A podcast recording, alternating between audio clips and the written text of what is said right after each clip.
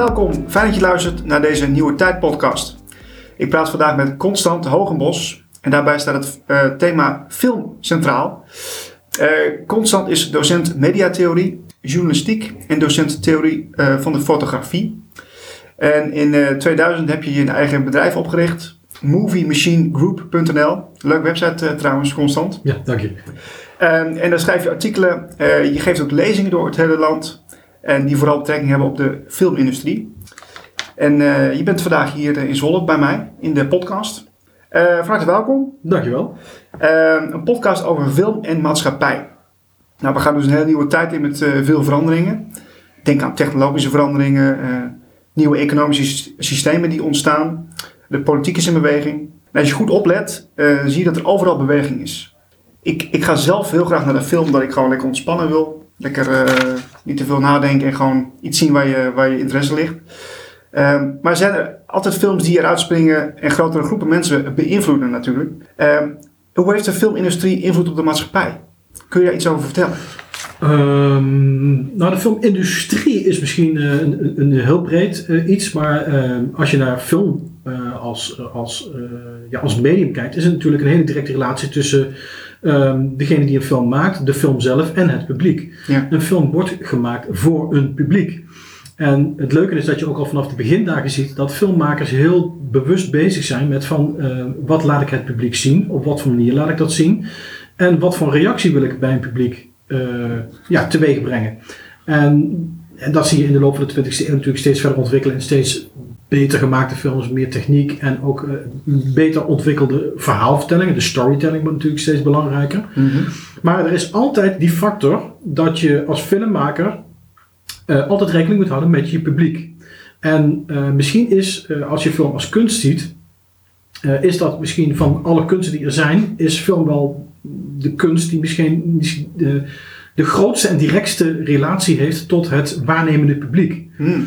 Um, omdat de film is direct gemaakt om bij een publiek een reactie op te wekken. Het is bij andere kunsten niet altijd direct het geval. Dat zeg ik wel eventjes uh, tussen aanhalingstekens dan. Mm -hmm. Maar uh, uh, film is altijd iets wat een sociale belevenis is. Je gaat met z'n allen naar de bioscoop en je beleeft de film met z'n allen. Ja. En dat is een heel belangrijke factor daarin ook. Dus het lokt, het lokt uh, als je naar de creatieve kunstvormen kijkt die er zijn, lokt het uh, misschien het sterkst een reactie uh, uit. Nou ja, kijk, film is natuurlijk ook een kunstvorm die meerdere zintuigen aanspreekt. Hè. Je, je kijkt heel intensief en je luistert heel intensief. Um, dat is niet bij alle, alle andere kunsten is dat het geval. Dus je hebt sowieso een kunstvorm die bij twee hele belangrijke zintuigen heel prominent binnenkomt. Dus de, de beleving van die kunstvorm is dan ook heel erg intensief. En daar kan een filmmaker natuurlijk ook heel goed gebruik van maken. dat zie je ook in de loop van de, met name op het moment dat er geluid bij de film komt, eind jaren 20. Ja. Dan zie je ook dat uh, heel duidelijk dat als een extra element bij de beleving van de film wordt ingebracht. En dat de beleving van de film door mensen ook heel anders gaat worden. Ja. Dan wordt het medium film, zou je bijna kunnen zeggen, opnieuw uitgevonden. Ah, oké. Okay. Ja. Ja, want ik, ik zit zelf uh, zit heel graag in, in, in, de bioscoop natuurlijk. Dat het gewoon ontspannend is en dat je iets wil beleven wat je uh, niet elke dag ziet. Um, maar kun je ook een voorbeeld geven van een film die een grote impact heeft op, op groepen mensen? Dat, dat het toch een, dat het heel snel in ons collectief geheugen terechtkomt? Nou ja, kijk, wat we nu dan noemen de, de, de grote filmklassiekers. Um, dat kunnen of klassiekers zijn omdat ze uh, een bebaanbrekende ontwikkeling in gang hebben gezet door cameravoering, geluid of door uh, dat de kleurenfilm of een geluidsfilm was ineens. Ja. Maar het kunnen ook films zijn die inderdaad tot een soort van uh, um, groter publiek bewustzijn behoren. Als je naar een film kijkt als bijvoorbeeld Apocalypse Now 1979 hè, van Francis Ford Coppola. Um, voor mij nog steeds de, de laatste uh, echt goede film die hij heeft gemaakt. In de jaren 80 werd het aanmerkelijk. Hij maakte geen slechte films, maar, maar zo'n film, die, uh, dat wordt nu gezien als een klassieker. Uh, er is bijna een soort van mythevorming ook omheen gekomen hè, door dit enorme uh, heftige productieproces van die film. Mm -hmm. Maar zo'n film, als je die nu ziet, die, uh, die zegt zoveel ook over die tijd. En met name in dit geval over de Amerikaanse geschiedenis, maar ook over het wereldbeeld. De absurditeit van oorlog en hoe de Amerikanen op dat moment bezig waren met het verwerken van dat Vietnamoorlog-trauma. Ja. En um, je ziet dan ook dat dat heel duidelijk vertaald wordt in die film. En dat wordt heel goed, dat is natuurlijk uh, de filmmaker Coppola communiceert zijn opvatting daarover naar het publiek. Ja. En sluit daarbij aan, mee aan, aan de, aan de ja, de, uh, de tijdsgeest van dat moment. Ja. En daarom is het interessant, als je die film dus nu weer terugziet, Ja. met alle kennis die wij van daarna weer hebben, dat zo'n film eigenlijk toch stiekem een beetje de boodschap heeft van de absurditeit van de oorlog en het, het mag nooit meer gebeuren. Ja, hoeveel oorlogen zijn sinds die tijd nog geweest, weet je wel? Ja, inderdaad. Ja. Ja. dus, eh, maar vanuit dat perspectief is het wel heel interessant om dat soort films, eh, eh, vooral die grote klassiekers, altijd eens te bekijken van in welke tijd is zo'n film gemaakt? Wat zegt hij over zijn tijd? In hoeverre, is hij een spiegel van zijn tijd? Ja. En wat probeert hij in zijn tijd ook te vertellen aan het publiek? Ja, het is wat, wat, je, leuk- wat je zegt is wel leuk, want het, het, me gelijk, het doet me gelijk denken aan, aan films die, ehm, die ook gelijk een gevoel oproepen. Hè? Ehm, bepaalde kleding die gedragen werd. eh, wat was het speelgoed waarmee kinderen speelden, et cetera. Dan kun je heel duidelijk zien van, oh ja, dat weet ik nog wel van toen. Met flippo's en et cetera. En dat, wat, je nu ook heel veel ziet, is met, ook met series, dat ze heel goed kunnen nabootsen hoe het in de jaren 80 bijvoorbeeld ging. Ja. En dat, dat, dat, dat geeft vaak een heel nostalgisch gevoel bij mensen. Ja, en eh, nou ja, bijvoorbeeld als je een serie als eh, Stranger Things. Die, Ik wou net zeggen. ik, ik zag het al bijna in jouw ogen Ja. dat je het daarover over, over wilde gaan hebben. Maar ehm, kijk, dat is natuurlijk heel erg. eh, je hebt natuurlijk dan met twee soorten publiek te maken. Je hebt enerzijds met een publiek te maken die heel bewust die jaren tachtig hebben meegemaakt. Die, dat, die heel veel elementen, dat gevoel zullen herkennen. Maar je hebt natuurlijk ook een hele generatie die dat niet heeft meegemaakt. Die misschien zoiets hebben van: hé, hey, wat is dat een rare tijd geweest? Of wat deden ze toen rare dingen? Ja. ja goed, dat is natuurlijk altijd zo. Dat, eh, dat je, zo kun je altijd kijken naar het verleden. Maar daar zit ook alweer een gevaar in, omdat je ehm, eh, soms eh, pro probeert ze terug te gaan naar een bepaald gevoel. En dat, dat lukt altijd maar tot op zekere hoogte. Want die tijd is voorbij. De mensen waren anders. De, de, de, de samenleving was anders. De hele wereldsituatie was anders. Dus je kunt wel eh, appelleren aan een bepaald gevoel. Maar je kunt het nooit volledig terughalen. Dat, Nee. dat is niet mogelijk. Nee.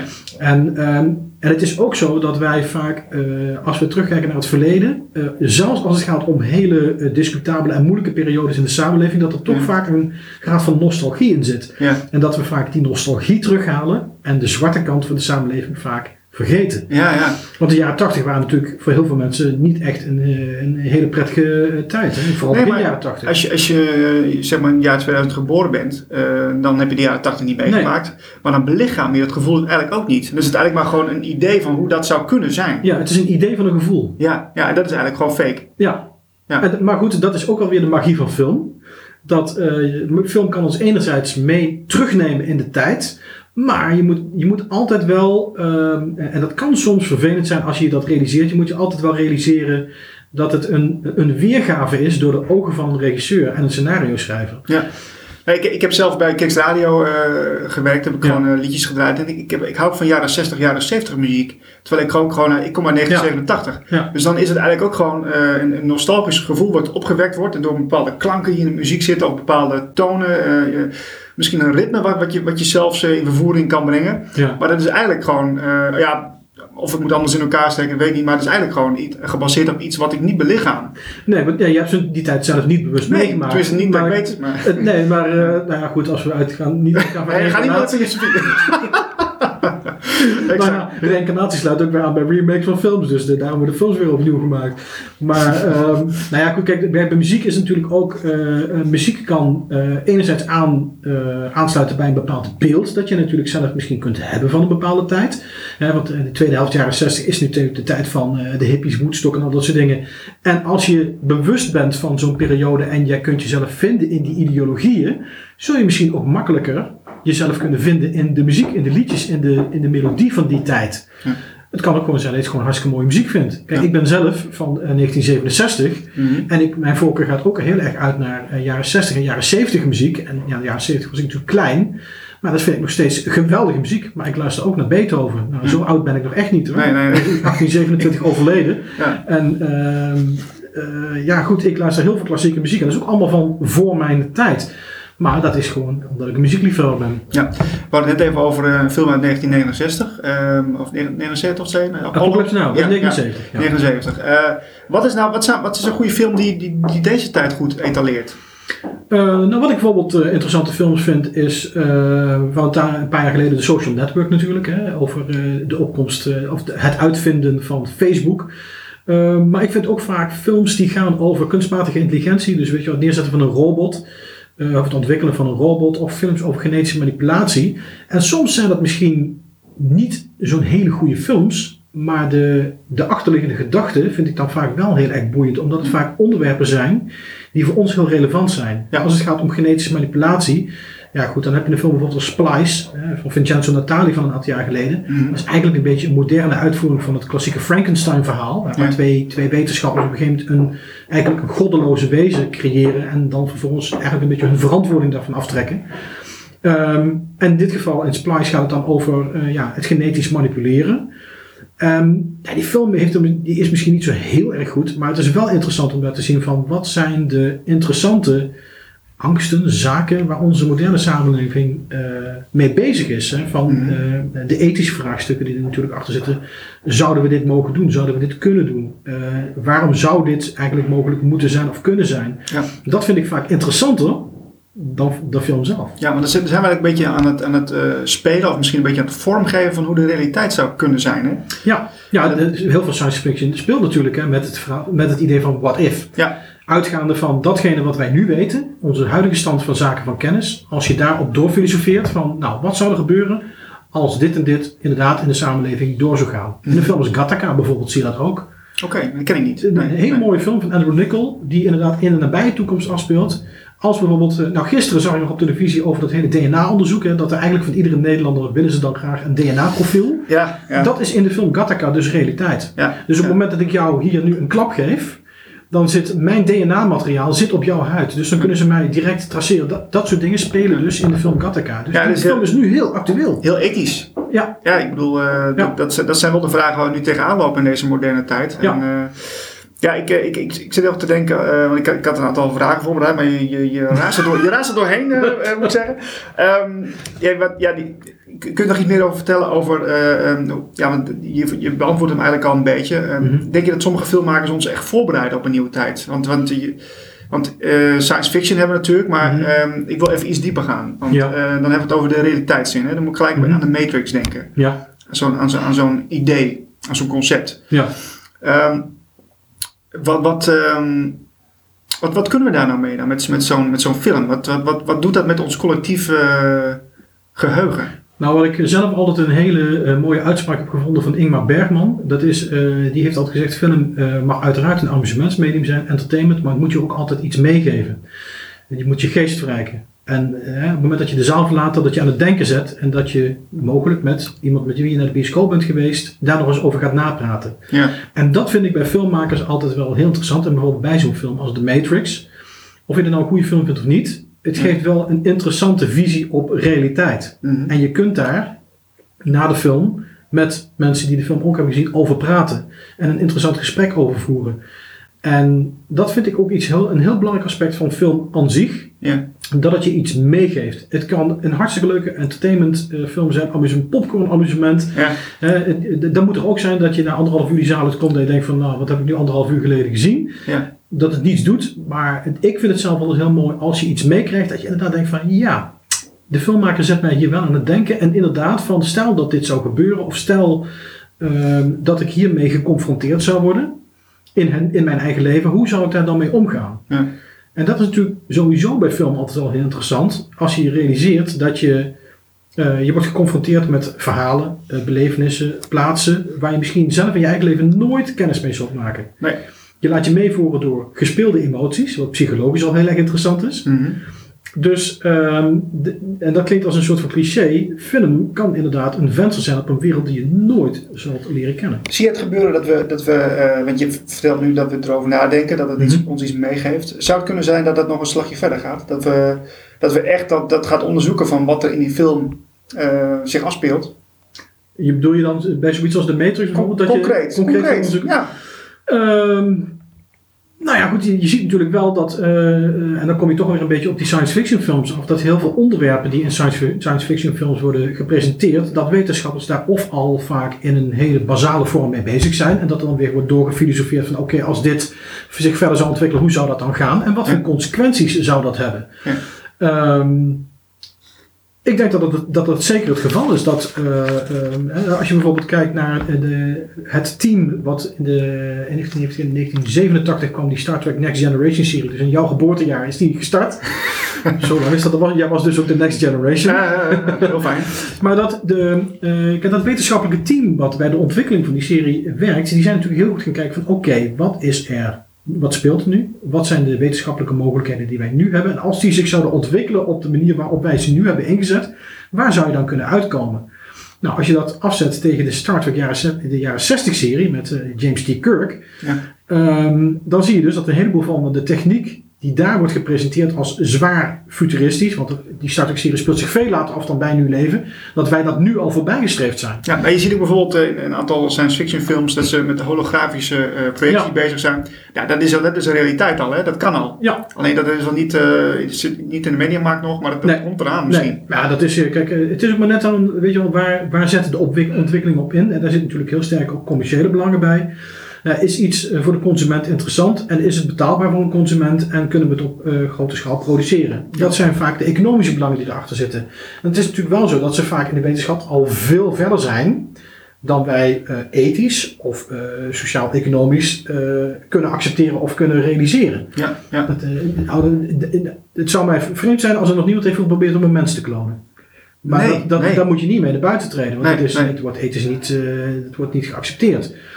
Maar even- tussen jou en de keukentafel. Hè. Is, Ja. het, eh, is, het, eh, is het zo dat de films zijn eh, geproduceerd en die uiteindelijk niet, het doek niet gehaald hebben? Omdat het toch mensen op een bepaald spoor kan brengen dat wat, dat, wat misschien niet de bedoeling is?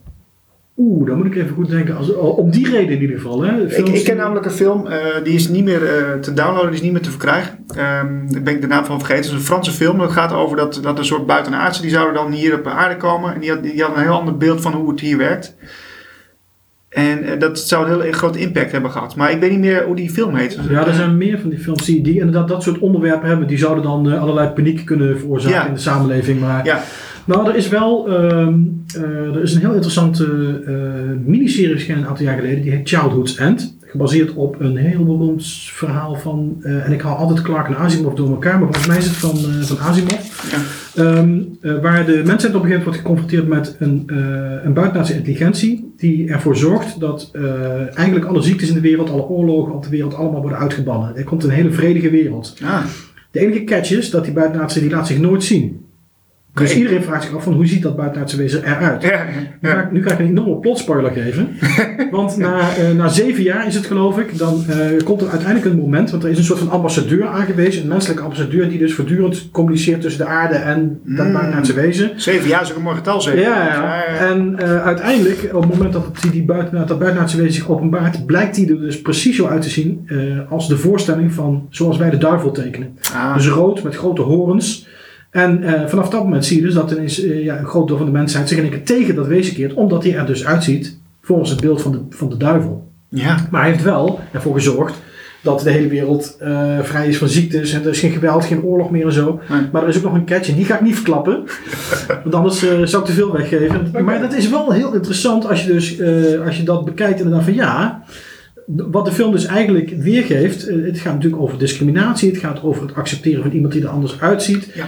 Eh, onze sociaal, of in dit geval onze cultureel-historische achtergrond, religieuze achtergrond, dat wij zo opgevoed zijn met een bepaald beeld. Ja, maar denk, denk aan die, die heldenrol die, eh, die vervuld worden. Hè. Vaak door, door blanke mensen. En nu Ja. eh, afgelopen jaar Black Panther kwam uit. Ja. Wat ook een heel duidelijk statement is van dat, eh, dat donkere mensen ook een heldenrol kunnen. Nou, dat, Ja. dat geeft al heel veel weer van hoe we met bewustzijn bezig zijn. En, en het grotere, de grote massa dat wil beïnvloeden. Ja, dat, dat, dat vond ik dus ook een hele interessante ontwikkeling. Want, eh, althans, laat ik nou de ontwikkeling niet zo, want die ontwikkeling is al veel langer.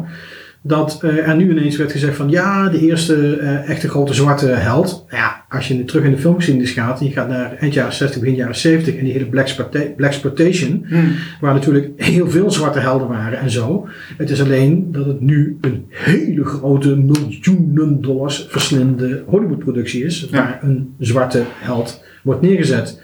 Politiek natuurlijk heel correct, Mhm. ook op het hele goede moment uitgebracht. Want ik denk als je dat een paar jaar geleden had gedaan, dan vraag ik me af of die film ook zo'n groot succes was geweest. Dus timing is ook heel belangrijk. Timing is heel belangrijk, natuurlijk. Sociaal-maatschappelijke ontwikkelingen die zijn, hebben een directe weerslag op datgene wat er in de filmwereld wordt uitgebracht.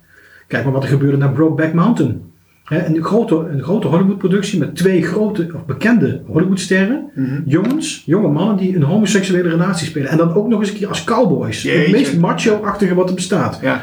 Vinnen werd eh, eh, eh, bekroond met Oscars. En wat zie je dan? Oh, ehm, eh, homoseksualiteit in Hollywood is ineens salonveeg geworden. Ja, ja. En dan zie je dus in één keer allemaal van die grote Hollywoodsterren die allemaal homoseksuele rollen gaan Ja. spelen. En dat hebt dan op een gegeven moment ook wel weer een beetje weg. Ja, ja. Maar Maar dat, is het. ook wel interessant. Hè? Dat het, wat jij zegt, het, gaat, het, het komt op en op een gegeven moment dan, dan is Ja. het, we, we slaan het als het ware wel op in ons bewustzijn, als, als, als grote groepen massa's. Maar het gaat ook best wel weer snel, hebt het weg. Nou ja, dat, dat weg hebben is niet dat, eh, dat er een gebrek aan interesse is, maar het is wel zo, eh, en dat is een beetje een probleem van de, van de grote Hollywood filmindustrie, daar moet ik er wel nadrukkelijk bij zeggen, die natuurlijk vooral, eh, zoals het woord industrie al doet vermoeden, vooral ingezet is op commerciële successen. En op het moment dat ze in de gaten krijgen dat er een commercieel succes is, probeert iedereen daar een graantje van mee te pikken en erop mee te liften. Maar dat appt op een gegeven moment, appt dat succes weer weg. En dan zie je dat er weer iets anders verzonnen moet worden. Hmm. En ehm, dan, eh, dan zie je ook dat er, eh, als er dan ineens weer een nieuwe succesfilm komt, dan zie je, stel dat er een musical nu weer Oscars wint, dan zie je dat er ineens weer een opleving komt in musical, eh, musicalfilms. En dat, die scenario's die liggen allemaal al klaar. De Hollywood is, Serieus? ja, nee, dat is, dat is gewoon echt Zo zo. Ja, maar dat, dat is ook vaak wel het geval. Dat, ehm, eh, er liggen heel veel scenario's die gewoon nog niet verfilmd zijn. Die, daar wachten ze gewoon op. Op het moment dat er een film, een soortgelijke film uitkomt die een succes wordt, dan pakken ze zo'n scenario van de kast en zeggen ze: Oh, wacht even, die hebben we nog liggen. Dus hebben gewoon letterlijk Ja. een kaartenpak. Moet, ja, ik ga het Bij wijze van. En dan Ja. zeggen we, oh, het is nu eh, 2020. Nou, dan, eh, ja, hebben we dit en dit gehad. Nou, dan moeten we eventjes die economische crisis weer erbij pakken. Ja, dus zo, ja, zo gaat het echt. En vooral, dat zie je vooral als, eh, als er succesfilms zijn. Dat meteen allerlei andere studios zeggen: Oh, dan moeten wij ook een graantje van pikken. We hebben nog een soortgelijk scenario liggen. Dat gaan we dan, en dat jassen ze dan heel snel door. Met als gevolg dat dat vaak ondermaatse producties zijn. Die dan eigenlijk averechts werken. Want dan, eh, het publiek zegt dan op een gegeven moment: van, Ja, eh, die ene film was goed. Maar alles wat daarna kwam was eigenlijk gewoon prut. Ja, ja. Kijk maar naar de Matrix. Ineens zie je allemaal van die cyberpunk-achtige films komen. Nou, eh, hoeveel zijn er een succes geworden? ja, niet heel veel. Nee. Niet heel veel. Nee. En de Matrix was zelf eigenlijk ook wel een beetje een meelift op het succes van de, de Japanse anime. Waar Ja. die cyberpunk al twintig jaar daarvoor werd ingezet. Ja, ja, ja, interessant man. Ja, nu, nu ben ik toch benieuwd van ehm, hoe, hoe het toch eh, grote groepen mensen weer, weer, weer in beweging kan zetten. Hè? Als, je, als je heel concreet kijkt naar de jaren 30 en 40, Mhm. had je die propagandafilms, hè? Eh, dus heel politiek geladen. Ehm, denk je dat het, dat het in de toekomst eh, als, dat, dat het ook kan? Hè? Dat, dat je over 10, 20 jaar nog steeds grote groepen mensen zo kunt sturen in hun gedrag? Ehm, nou, ja, Of is het, of is het echt van, van, van, van, Nou ja. van, van, van vroeger? Nee, helemaal niet. Eh, kijk, eh, een propagandafilm, ehm, propagandafilms worden nog iedere dag gemaakt. Alleen is het, eh, kijk, wij zijn natuurlijk steeds meer. Van de ene kant zijn wij heel kritisch naar beeld, maar van de andere kant eten, nemen we het ook allemaal als ge, zoete koek tot ons. En zijn we soms helemaal niet meer kritisch. En hebben we helemaal niet in de gaten dat wij eigenlijk heel ernstig beïnvloed worden door datgene wat we in beeld zien. Hmm. En we krijgen op mobiele telefoons, iPads, overal komt tegenwoordig beeld voorbij. In korte, in langere filmpjes en ook gewoon in regelrechte propagandafilmpjes. Maar het is wel zo, als je. Kijk, de, de echte hele erge, de echt gerichte propagandafilms zoals we ze in de jaren eh 30 van in Nazi-Duitsland zagen. En eh, bijvoorbeeld in, in, dezelfde periode in eh Stalinistische Sovjet-Unie. Ja, dan zie, je heel, dan zie je heel duidelijk dat daar een politieke boodschap wordt verkondigd. Maar als je nu kijkt in de moderne filmwereld en je nu realiseert dat vooral in Amerika dan het internationale terrorisme als de grote internationale vijand wordt gezien, dat je dan ook steeds meer ziet dat er allerlei films gemaakt worden, zoals bijvoorbeeld, eh eh, eh, eh, eh, die film nou over het, het Witte Huis, Ja. Olympus Has Fallen en Mhm. White House Down, hoe heet je die film? Ja. Waar je dan een keer ziet dat Noord-Koreaanse terror- Noord-Koreaanse terroristen op Amerikaans grondgebied dan eventjes het Witte Huis aanvallen. Ja. Ja, daar zit natuurlijk een hele sterke propagandistische lading onder. Ja. Dat, eh, het is internationaal terrorisme, zie je. Zo hou je die angstgedachte natuurlijk ook in gang. Ja. Eh, kun je daarmee een heel groot deel van de politiek verantwoorden. En eh, het is dan misschien wel een, een leuke amusu- een, een amusements eh, eh, actiefilm. Maar er zit een hele duidelijke propagandistische lading in. Ja. Dus het wordt allemaal mooi netjes verpakt als een heel leuk snoepje. Mhm. Maar onder dat glanzende, glinsterende papiertje Ja. zit soms toch ook wel een bitterzoet snoepje. Ja, maar als ik goed begrijp, eh, ehm, eh, dat, dat zie je natuurlijk ook in de media terug. Je hebt, daar zit je ook aardig in, hè? de Mhm. media en de, en, en social media vooral. dat, dat het al, al heel moeilijk is om te, goed te, te kijken van uh, waar, waar, wat is de bron van het filmpje waar ik nu naar ja. te kijken. Hè? Wat, wat is daarvan echt? En in, in hoeverre is ja. het geknipt en geplakt en, en is het gewoon in plaats van dat je nu een instortend gebouw ziet, is het daar, daar, daarachter gewoon pijs en vree. Ja, kijk, het is, het is nu ook zo dat, uh, omdat wij nu allemaal mobiele telefoons hebben met een camera erin, er is nog nooit zoveel gefotografeerd en gefilmd als de afgelopen, ja, inmiddels 10, 15 jaar. Zo. Al dat beeldmateriaal, dat komt ergens op servers terecht. Um, er komt zoveel beeldmateriaal bij dat je eigenlijk murf wordt geslagen aan allerlei indrukken. En het is, het is werkelijk waar gods onmogelijk om alles wat er gemaakt is te zien. Dus ik heb dat zelf ook wel eens dat ik een filmpje voorbij zie komen en dat ik echt heel goed moet kijken of echt moet gaan uitzoeken. Hoort dit beeldmateriaal wel bij het nieuwsfeit waar het aan wordt gekoppeld? Ja, ja. Van de week kwam het nog voorbij, uh, naar aanleiding van iets wat in, uh, kijk, van in, in Indonesië. Uh, daar was een foto uh, of beeldmateriaal geplaatst van een, een, garage van Renault, geloof ik was het. Die helemaal onder water stond. Het blijkt dat het uit een heel andere context komt, dat plaatje. En dus wordt gekoppeld aan de huidige ramp. Ja, maar dat zie je ook heel met, met, de oorlogsgebieden vaak. Ja. Dan zie je een paar van die huilende kinderen weer ergens wegrennen en dan is het van 2003. Ja. Oh, ja, maar ja, dat, als je dat gewoon nu uitzendt ja. en je zegt dat het uit Ethiopië komt of waar ja. dan ook, dan uh, ja. Kijk, en je kunt je daarvan bewust zijn. Hè? Kijk, ik ben natuurlijk heel, ik ben iedere dag bezig met media. Ik ben daar heel erg van bewust en ik kijk er ook heel kritisch naar. Maar het overgrote deel van de mensen wat geconfronteerd worden, de, de gemiddelde, en dat bedoel ik niet denigrerend, maar de gemiddelde, minder kritische consument, die krijgt dat de hele dag voor ze kiezen. En op het moment dat je daar misschien niet zo bewust van bent en daar niet kritisch naar kijkt, dan kun je dus heel erg beïnvloed worden door al het beeldmateriaal wat, je voor, wat voorbij komt. Ja, nu hebben we één ding gemeen, dat ik daar ook uh, op die manier toch een beetje naar kijk. En ik vind het heel moeilijk om naar het NOS-journaal te kijken, de laatste jaren. Om, om, om daar gewoon, met, zoals je dat vroeger deed, zonder dat je daar bewust van was, hè, met een open blik van, oh, wat erg, oh, dit.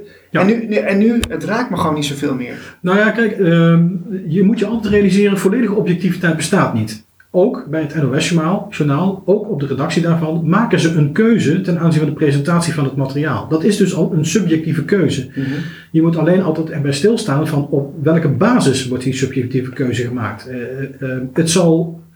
Uh, goed, nou denk ik heel positief over de NOS. Ja. Het, ik denk dat het bij het NOS-journaal in onze Nederlandse vrij open en vrije samenleving niet de bedoeling zal zijn, niet direct de bedoeling zal zijn, om ons, onze mening te sturen. Mm.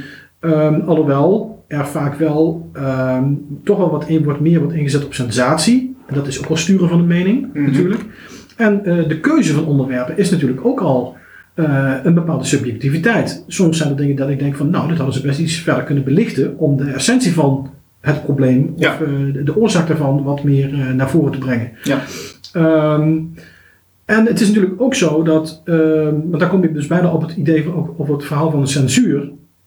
Um, iedere keuze die je maakt ten aanzien van beeldmateriaal wat je weglaat, is een vorm van censuur. Ja. En ook zo'n keuze van het weglaten van beeldmateriaal is uh, een subjectieve keuze. Alleen de reden waarom dat je dat doet, daar kun je je wel of niet in vinden. Ja. He, bijvoorbeeld als je, als je bijvoorbeeld naar het Nederlandse NOS nieuws kijkt en bijvoorbeeld naar het BBC uh, nieuws, Mhm. om 7 uur is dat, of ja, voor hun 6, bij ons meestal 7 uur. Ja. Um, dan zie je vaak dat er in um, dat de BBC uh, aanmerkelijk terughoudender is bijvoorbeeld in het tonen van uh, heftig beeldmateriaal. Hmm. Ik kan me nog een aantal jaar geleden herinneren toen daar in Spanje zo'n heel ernstig ongeluk gebeurde met zo'n hogesnelheidstrein. Ja. En daar hing in de bocht waar die trein uh, uit de rails vloog, zeg maar, daar hing een camera. En op de, op de BBC zie je die trein aankomen en zie je eigenlijk op het moment dat die gaat hellen, dan kappen zij het beeld af. In Nederland, op het NOS-journaal, zag je de trein dus echt helemaal de bocht uitvliegen en tegen de camera aanklappen. Zo, ja, ja, ja. Dat, dan kun je zeggen, ja, is dat censuur of is dat inderdaad uh, een redactionele overweging geweest van waar moeten wij onze toeschouwers mee confronteren? Ja, ja nee, en, in hoeverre gaan we daar? Ja, precies. Dat, dat gaat echt over beeld. Ja, ik, ik ga, over nieuws gaan we het andere, andere keer wel hebben. Mm -hmm. dat, dat hoor ik ook wel heel interessante uh, verhalen in. Um, maar dat is bij film natuurlijk ook. Ja, nee, zeker. Dat ja. is ook zo. Ja, en wat, wat laat je precies zien en wat, wat niet? Ja, ja. Kijk, natuurlijk, er wordt altijd veel meer opgenomen van de film dan we uiteindelijk in de, de, de uiteindelijk gemonteerde versie zien. En je kunt iemand natuurlijk heel nieuwsgierig maken als je alleen een, een schoen laat zien. Want ik wil natuurlijk de hele beeld zien en dan ga je naar boven en dan, oh. Ja, maar ook, ook, ook dat weglaten van, uh, van beelden, uh, Dat kan ook uit verschillende overwegingen zijn. Het kan of zijn dat de regisseur ervoor kiest om het meer aan de suggestie over te laten. Het kan ook zijn dat hij gewoon door de producent op zijn vingers wordt getikt van ja, dit gaat veel te ver, want we willen een PG-13 film uitbrengen en geen R-rated film. Ja. Het moet eruit. Of het geld is op. Of, nou ja, maar dan meestal is het, is, is- als het al opgenomen is, dan, eh, dan, dan zou dat niet zoveel uitmaken. Maar het is, eh, ja, er kunnen heel veel verschillende overwegingen eh, zijn om wel of iets niet in een film of wel in een film te laten zien. Oké, interessant. Ik, ik wil even naar de toekomst gaan. Want we hadden het net over het gestuurd worden eh, eh, met ons bewustzijn en ons eh, collectief geheugen. Ik wil meer naar de beleving van film. Ehm, we kennen nu al bioscoop met een 3D-bril bijvoorbeeld. Ja. eh, effecten die je daar letterlijk bij eh, eh, ervaart. Een, een eh, VR-bril, dat is ook iets wat, wat nieuw is en wat eh, ongetwijfeld eh, gebruikt zal worden, al niet Mhm. gebruikt wordt. Eh, kun, jij, kun, je mij een, een, een, nou, een situatie, kun je, kun je mij vertellen hoe dat over tien jaar zou kunnen zijn? Ik ga over tien jaar naar de bioscoop. Wat, wat zou ik daar kunnen aantreffen? Nou, dat is heel moeilijk om daar een prognose op los te laten. Want je ziet eh, op dit moment echt heel duidelijk twee ontwikkelingen. Je ziet enerzijds de ontwikkeling nog steeds in de zaal, waar het sociale aspect natuurlijk een rol speelt. Waar mensen steeds meer geconfronteerd worden met eh, allerlei dingen om de film heen. En daar reken ik 3D dan ook bij, zelfs 4D, hè, met bewegende stoelen en Ja. nevel en luchtjes in de zaal. Ik weet niet of ik daar zo blij mee ben. Eh, want het, uiteindelijk gaat het toch om een goed verhaal. Als het verhaal niet goed is, dan kun je er allerlei fratsen om, omheen hangen. Maar dan, dan na 10 minuten heb je het ook gezien. Wat ik meestal met 3D heb. Ehm, dus dat is de ene ontwikkeling die inzet van hoe gek kun je het maken in de, in de zaalontwikkeling. Daarnaast, hè, wat je net ook al zei, zie je dat mensen natuurlijk eh, eh, meer via een VR-bril, een virtual reality bril, straks misschien naar film gaan kijken. En dat het meer een immersive ervaring wordt. Hè, dat mensen veel meer deel uit gaan maken van de film zelf. Ehm, dat is heel moeilijk om te voorspellen hoe dat eh, zal gaan. Ik denk dat, het, dat die ontwikkeling op beide fronten zal worden voortgezet. Ik denk dat er altijd mensen zullen zijn die toch naar een zaal gaan of een vorm van een, eh, een, het film bekijken in een zaal. Gemeenschappelijke plek. Een gemeenschappelijke beleving ook.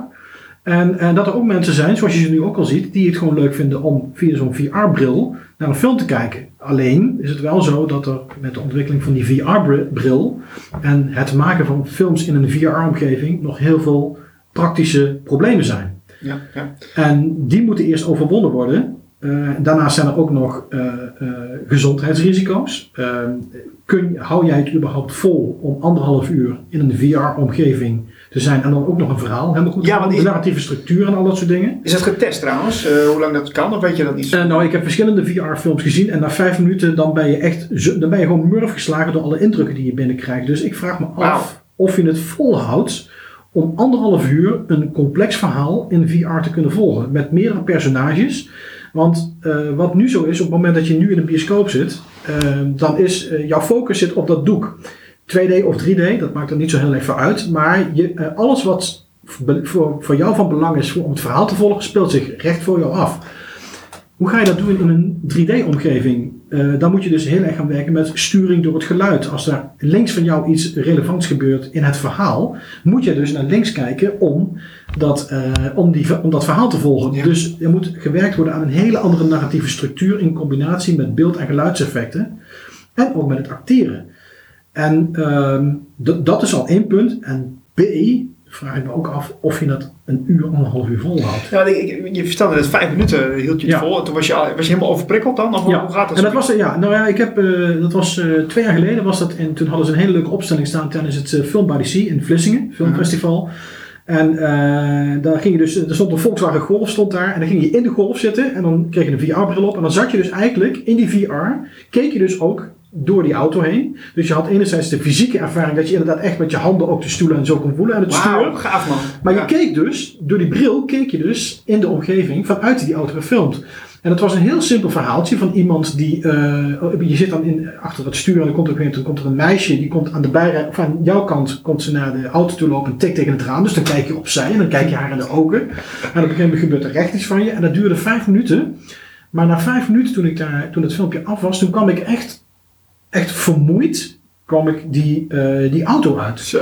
En toen, ja, goed, omdat ik daar natuurlijk heel erg mee bezig ben, dacht ik ook van, ja, stel dat je dit dus al over een half uur zou uitstrekken. Ja, Nou, eh, ik weet niet of je dat volhoudt. dat denk ik ook niet, denk ik. Zo. Maar ja, goed, het kan ook zijn eh, Maar dat- dat, misschien dat mensen evolueren. Hè? Dat, Ja. eh, Kijk, de- mijn ouders bijvoorbeeld, die konden nog niet eens naar een computerscherm kijken. Als ik met de muis aan het scrollen was en dat, dat scherm ging zo op en neer, dan konden zij al niet naar kijken. Oeh, dat is- verschrikkelijk onrustig. Ja, maar, maar, maar dat, dat evalueren is interessant. Want dat- Ja. kijk, de kinderen worden nu al opgevoed met, met, met die schermen. Als, Ja. eh, als twee turven hoog zijn, dan hebben ze al een scherm voor hun neus. En, en ja, dat, eh, dat, dat is ook een stukje gewenning misschien. Maar kijk, die, het brein op zich, eh, Ja. kan wel veranderen. Maar ja, die prikkels, dat is natuurlijk ook wel... Misschien is het wel gewoon een, een bepaalde eh, hoeveelheid dat je aan kan. Ja. Nou ja, goed, we zitten nu al tegen. het is mogelijk om een 8K film te maken. Oké. Maar eh, er zijn ook al wetenschappers die zeggen: ja, maar boven de 8K nemen wij het al niet eens meer waar. Onze oog is gewoon niet in staat om boven 8K weer te nemen. 8K is een beetje moeilijk voor mij. Nou ja, je hebt nu, je hebt nu 2K, 4K films. Hè, dus dus eh, eh, kijk, de gemiddelde bioscoopprojectie is nu geloof ik 4K zo'n beetje. Dus dan zit je echt op een hele hoge digitale resolutie zit, zit je dan Ja. te kijken. Daardoor krijg je dus ook die hele scherpe projectie nu.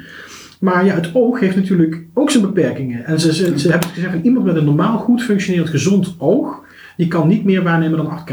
Dan, heb- dan, dan, die informatie krijg je gewoon dan niet meer binnen.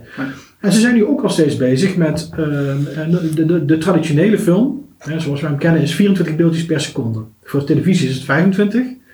Ehm, maar er zijn filmmakers die werken nu ook al met 48 frames per seconde en zelfs al 64. Eh, James Cameron die is nu bezig met zijn nieuwe Avatar films Ja. op 64 frames per seconde. Dat betekent dus dat je per seconde meer informatie binnenkrijgt.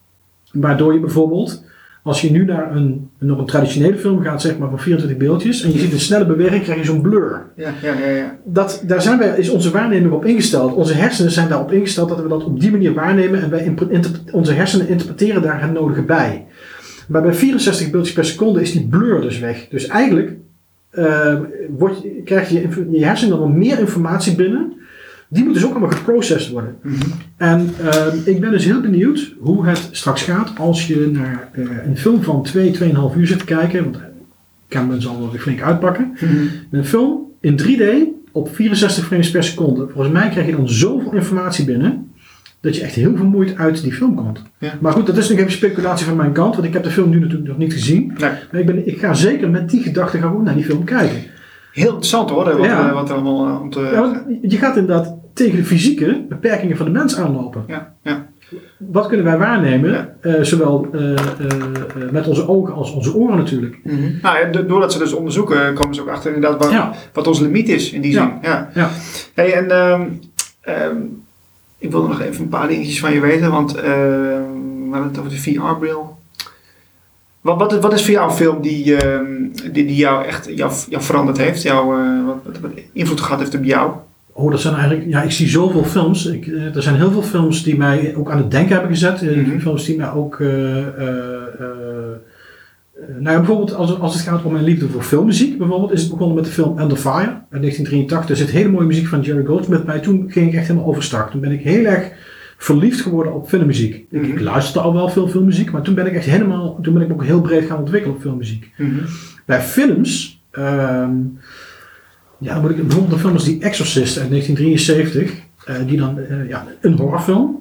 Maar als je naar die film kijkt, dit is ook een heel intens psychologisch drama. Het is een coming-of-age verhaal. Het wordt heel goed geacteerd. Het is ook een hele duidelijke film, een teken van die tijd. De, het, sluit ook aan bij de ontkerkelijking die in de jaren 60 eh inzet, de secularisatie. Dus eh, dat is een film die altijd heel veel indruk op, heeft, op mij heeft gemaakt. Maar zo zijn er dus nog heel veel meer films die dat, eh, die dat hebben. Bijvoorbeeld Apocalypse Now ook. Is het logisch dat je, dat je een film die indruk maakt op jou, dat, dat, dat je die ziet, dat, dat je die ziet vaak in nieuwe films? Of, of, of zou het ook, of, weet je dat, of, of het vaak voorkomt dat, dat zeg maar, iemand die nu 20 is, dat hij een Mhm. film uit de jaren 70 ziet en dat, dat het hem heel erg beïnvloedt? Ja, dat kan. Nou ja, goed. Die, je, je, je, je bent natuurlijk al veel verder in de geschiedenis, dus dan zou je Ja. denken van ja, dat, dat ken ik wel, weet je wel. Ja, nou ja, goed. Kijk, het is natuurlijk. eh, het hangt er heel erg vanaf van hoe je zelf naar een film kijkt, wat je ermee doet, hoe je erin staat. Er zijn mensen die kijken naar film puur als een, als een amusementsmedium en doen daar verder niets mee. Het is gewoon leuk om anderhalf uur, twee uur een filmpje te kijken en that's it. Ja. Maar je hebt ook mensen, zoals ik of nog een gradatie minder, die gewoon geïnteresseerd zijn in de film. En die, ja, dat is toch wel interessant. En wat die filmmaker hier laat zien. En ja, in die tijd, eh, dan moet je dat tijdsbeeld natuurlijk wel een beetje kennen. Ja. Eh, hè, hoe zo'n film in die tijd staat. Maar ik vind het ook nu nog interessant om bijvoorbeeld eh, met, met jonge filmmakers, dat ik denk van, wauw, weet je wat, toen ik een paar jaar geleden ehm, Enemy zag van Denis Villeneuve, hè, die nu ook die, die nieuwe Blade Runner heeft gemaakt, een Mhm. waagstuk heeft niet geschilderd trouwens. Dat ik denk van, ja, weet je, er zijn toch ook nog een nieuwe generatie filmmakers die hele interessante films maken, waarbij je echt denkt van, wauw, weet je wel, Ja. dat iemand na al die films die al gemaakt zijn, je toch nog steeds kan verrassen met een ingenieus scenario en een film dat je echt denkt van, die moet ik nog een keer gezien, nu meteen, nog een keer gezien en dan eens kijken wat er eigenlijk allemaal gebeurt. Ja, nou, dan- ben je goed bezig. Als Dan ben je heel goed bezig, ja. Dat vind ik heel knap. Eh, ik, ik, ja, nu weet ik het weer. Ik wilde iets vragen over de VR-bril. Want Ja. eh, stel je voor dat we daar een, een, een, eh, vlucht mee maken met die technologie. Mhm. Ja, het doet mij denken aan, z- zou dan niet eh, de, de gemeenschappelijke factor die erin zit op dit moment, hè, dat je met elkaar in één ruimte zit, zou die niet gewoon komen te vervallen? Ja, op het moment dat iedereen met zo'n VR-bril op zit, dan Ja, is er dus geen dat- sociaal eh, element meer. Exact. Het enige wat je dan zou kunnen krijgen is dat je misschien net zoals je, ehm, eh, nou, wat je met het online gaming ziet, hè, dat je dus kunt chatten met andere spelers van over de hele wereld, dat je op een gegeven moment een soort constructie zou krijgen dat je naar een film zit te kijken.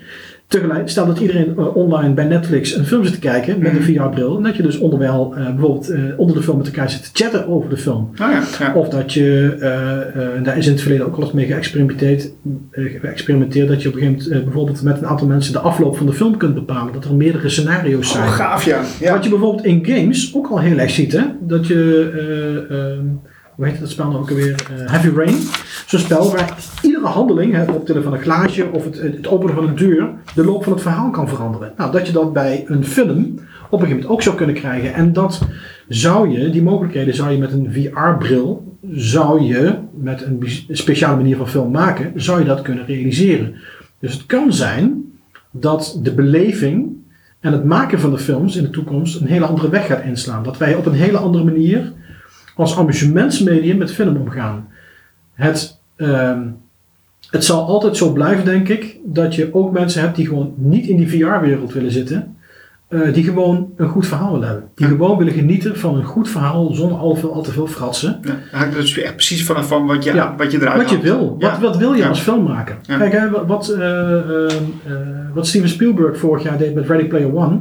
Dat is natuurlijk heel erg zo'n oud gediende notabene. Die heel, heel veel moderne dingen bij elkaar pakt. En mensen in een compleet virtuele omgeving weer neerzet. En daarmee speelt. En dan ook echt een enorme trucendoos eh openhaalt. Dat is natuurlijk allemaal wel ook een beetje om te kijken van hoe reageert het publiek hierop. Ja. Want als je, heb je de film gezien? Ik heb hem gezien, ja. Ja, dan heb, weet je dat het een enorme overload aan informatie is. Ja. Er, er komt zoveel aan data komt er binnen, aan filmgeschiedenis, weet het allemaal. Maar de eerste kwartier, ik, ik, ik ben er gewoon bijna moe van, joh. Ja. Dat, komt zoveel eh, op je af, letterlijk, hè. Ja, en dat is nog maar in 3D. Kun je je voorstellen dat je dat dus in VR ziet? Ja, my god. Want Ja. het, het, het vreemde is, als je nu naar een film zit te kijken, je hebt het vaak niet in de gaten, maar dat je vaak ook toch nog eventjes snel links of rechts van je kijkt naar degene die naast je zit of degene die, die voor je zit. Je reageert onbewust, reageer je op dingen die in een zaal gebeuren. Als jij in een VR-film zit, heb je die mogelijkheid niet. Dan ben je volledig, 100% totaal gefocust op datgene wat zich voor jouw ogen afspeelt. Ja. Waardoor die beleving vele malen intenser is en dus ook veel vermoeiender is. Ja. Want je kunt niet wegkijken. Nee. En dan is het ook nog zo, want ik stipte straks al even die gezondheidsdingen aan. Ja, Stel dat jij naar een hele heftige horrorfilm zit te kijken. je- eh, nu kun je je handen voor je ogen doen. of je maar als jij in zo'n VR-brilletje zit, ja, of je moet hem heel snel aftrekken. Oh, oh. Maar eh, mensen met een, eh, met een zwak hart, nou, letterlijk en figuurlijk hou ik mijn hart dan vast van wat er gaat gebeuren. Omdat die beleving vele malen intenser is. Zo. Dus dan is het maar de vraag van, zal er straks niet een bijsluiter komen van dat mensen met, eh met hartritmestoornissen en problemen dus die VR-films niet moeten gaan kijken? Nou ja, wat je, wat je nu al ziet bij films op tv, hè, dat is, dat onder dat schermpje zie je van eh 16 jaar en ouder en eh, Ja. gewelddadig of niet. Ja, dat of nou- die epilepsiewarning Ja, in ja. deze uitzending bevat ze flitsende beelden. Ja. Dus, ja. En wat, wat het leuk is om te zien dat je eh, met die 3D-bril of met die VR, dat, dat, er worden steeds nieuwe aanpassingen gedaan. Dus je kunt specificeren naar jouw.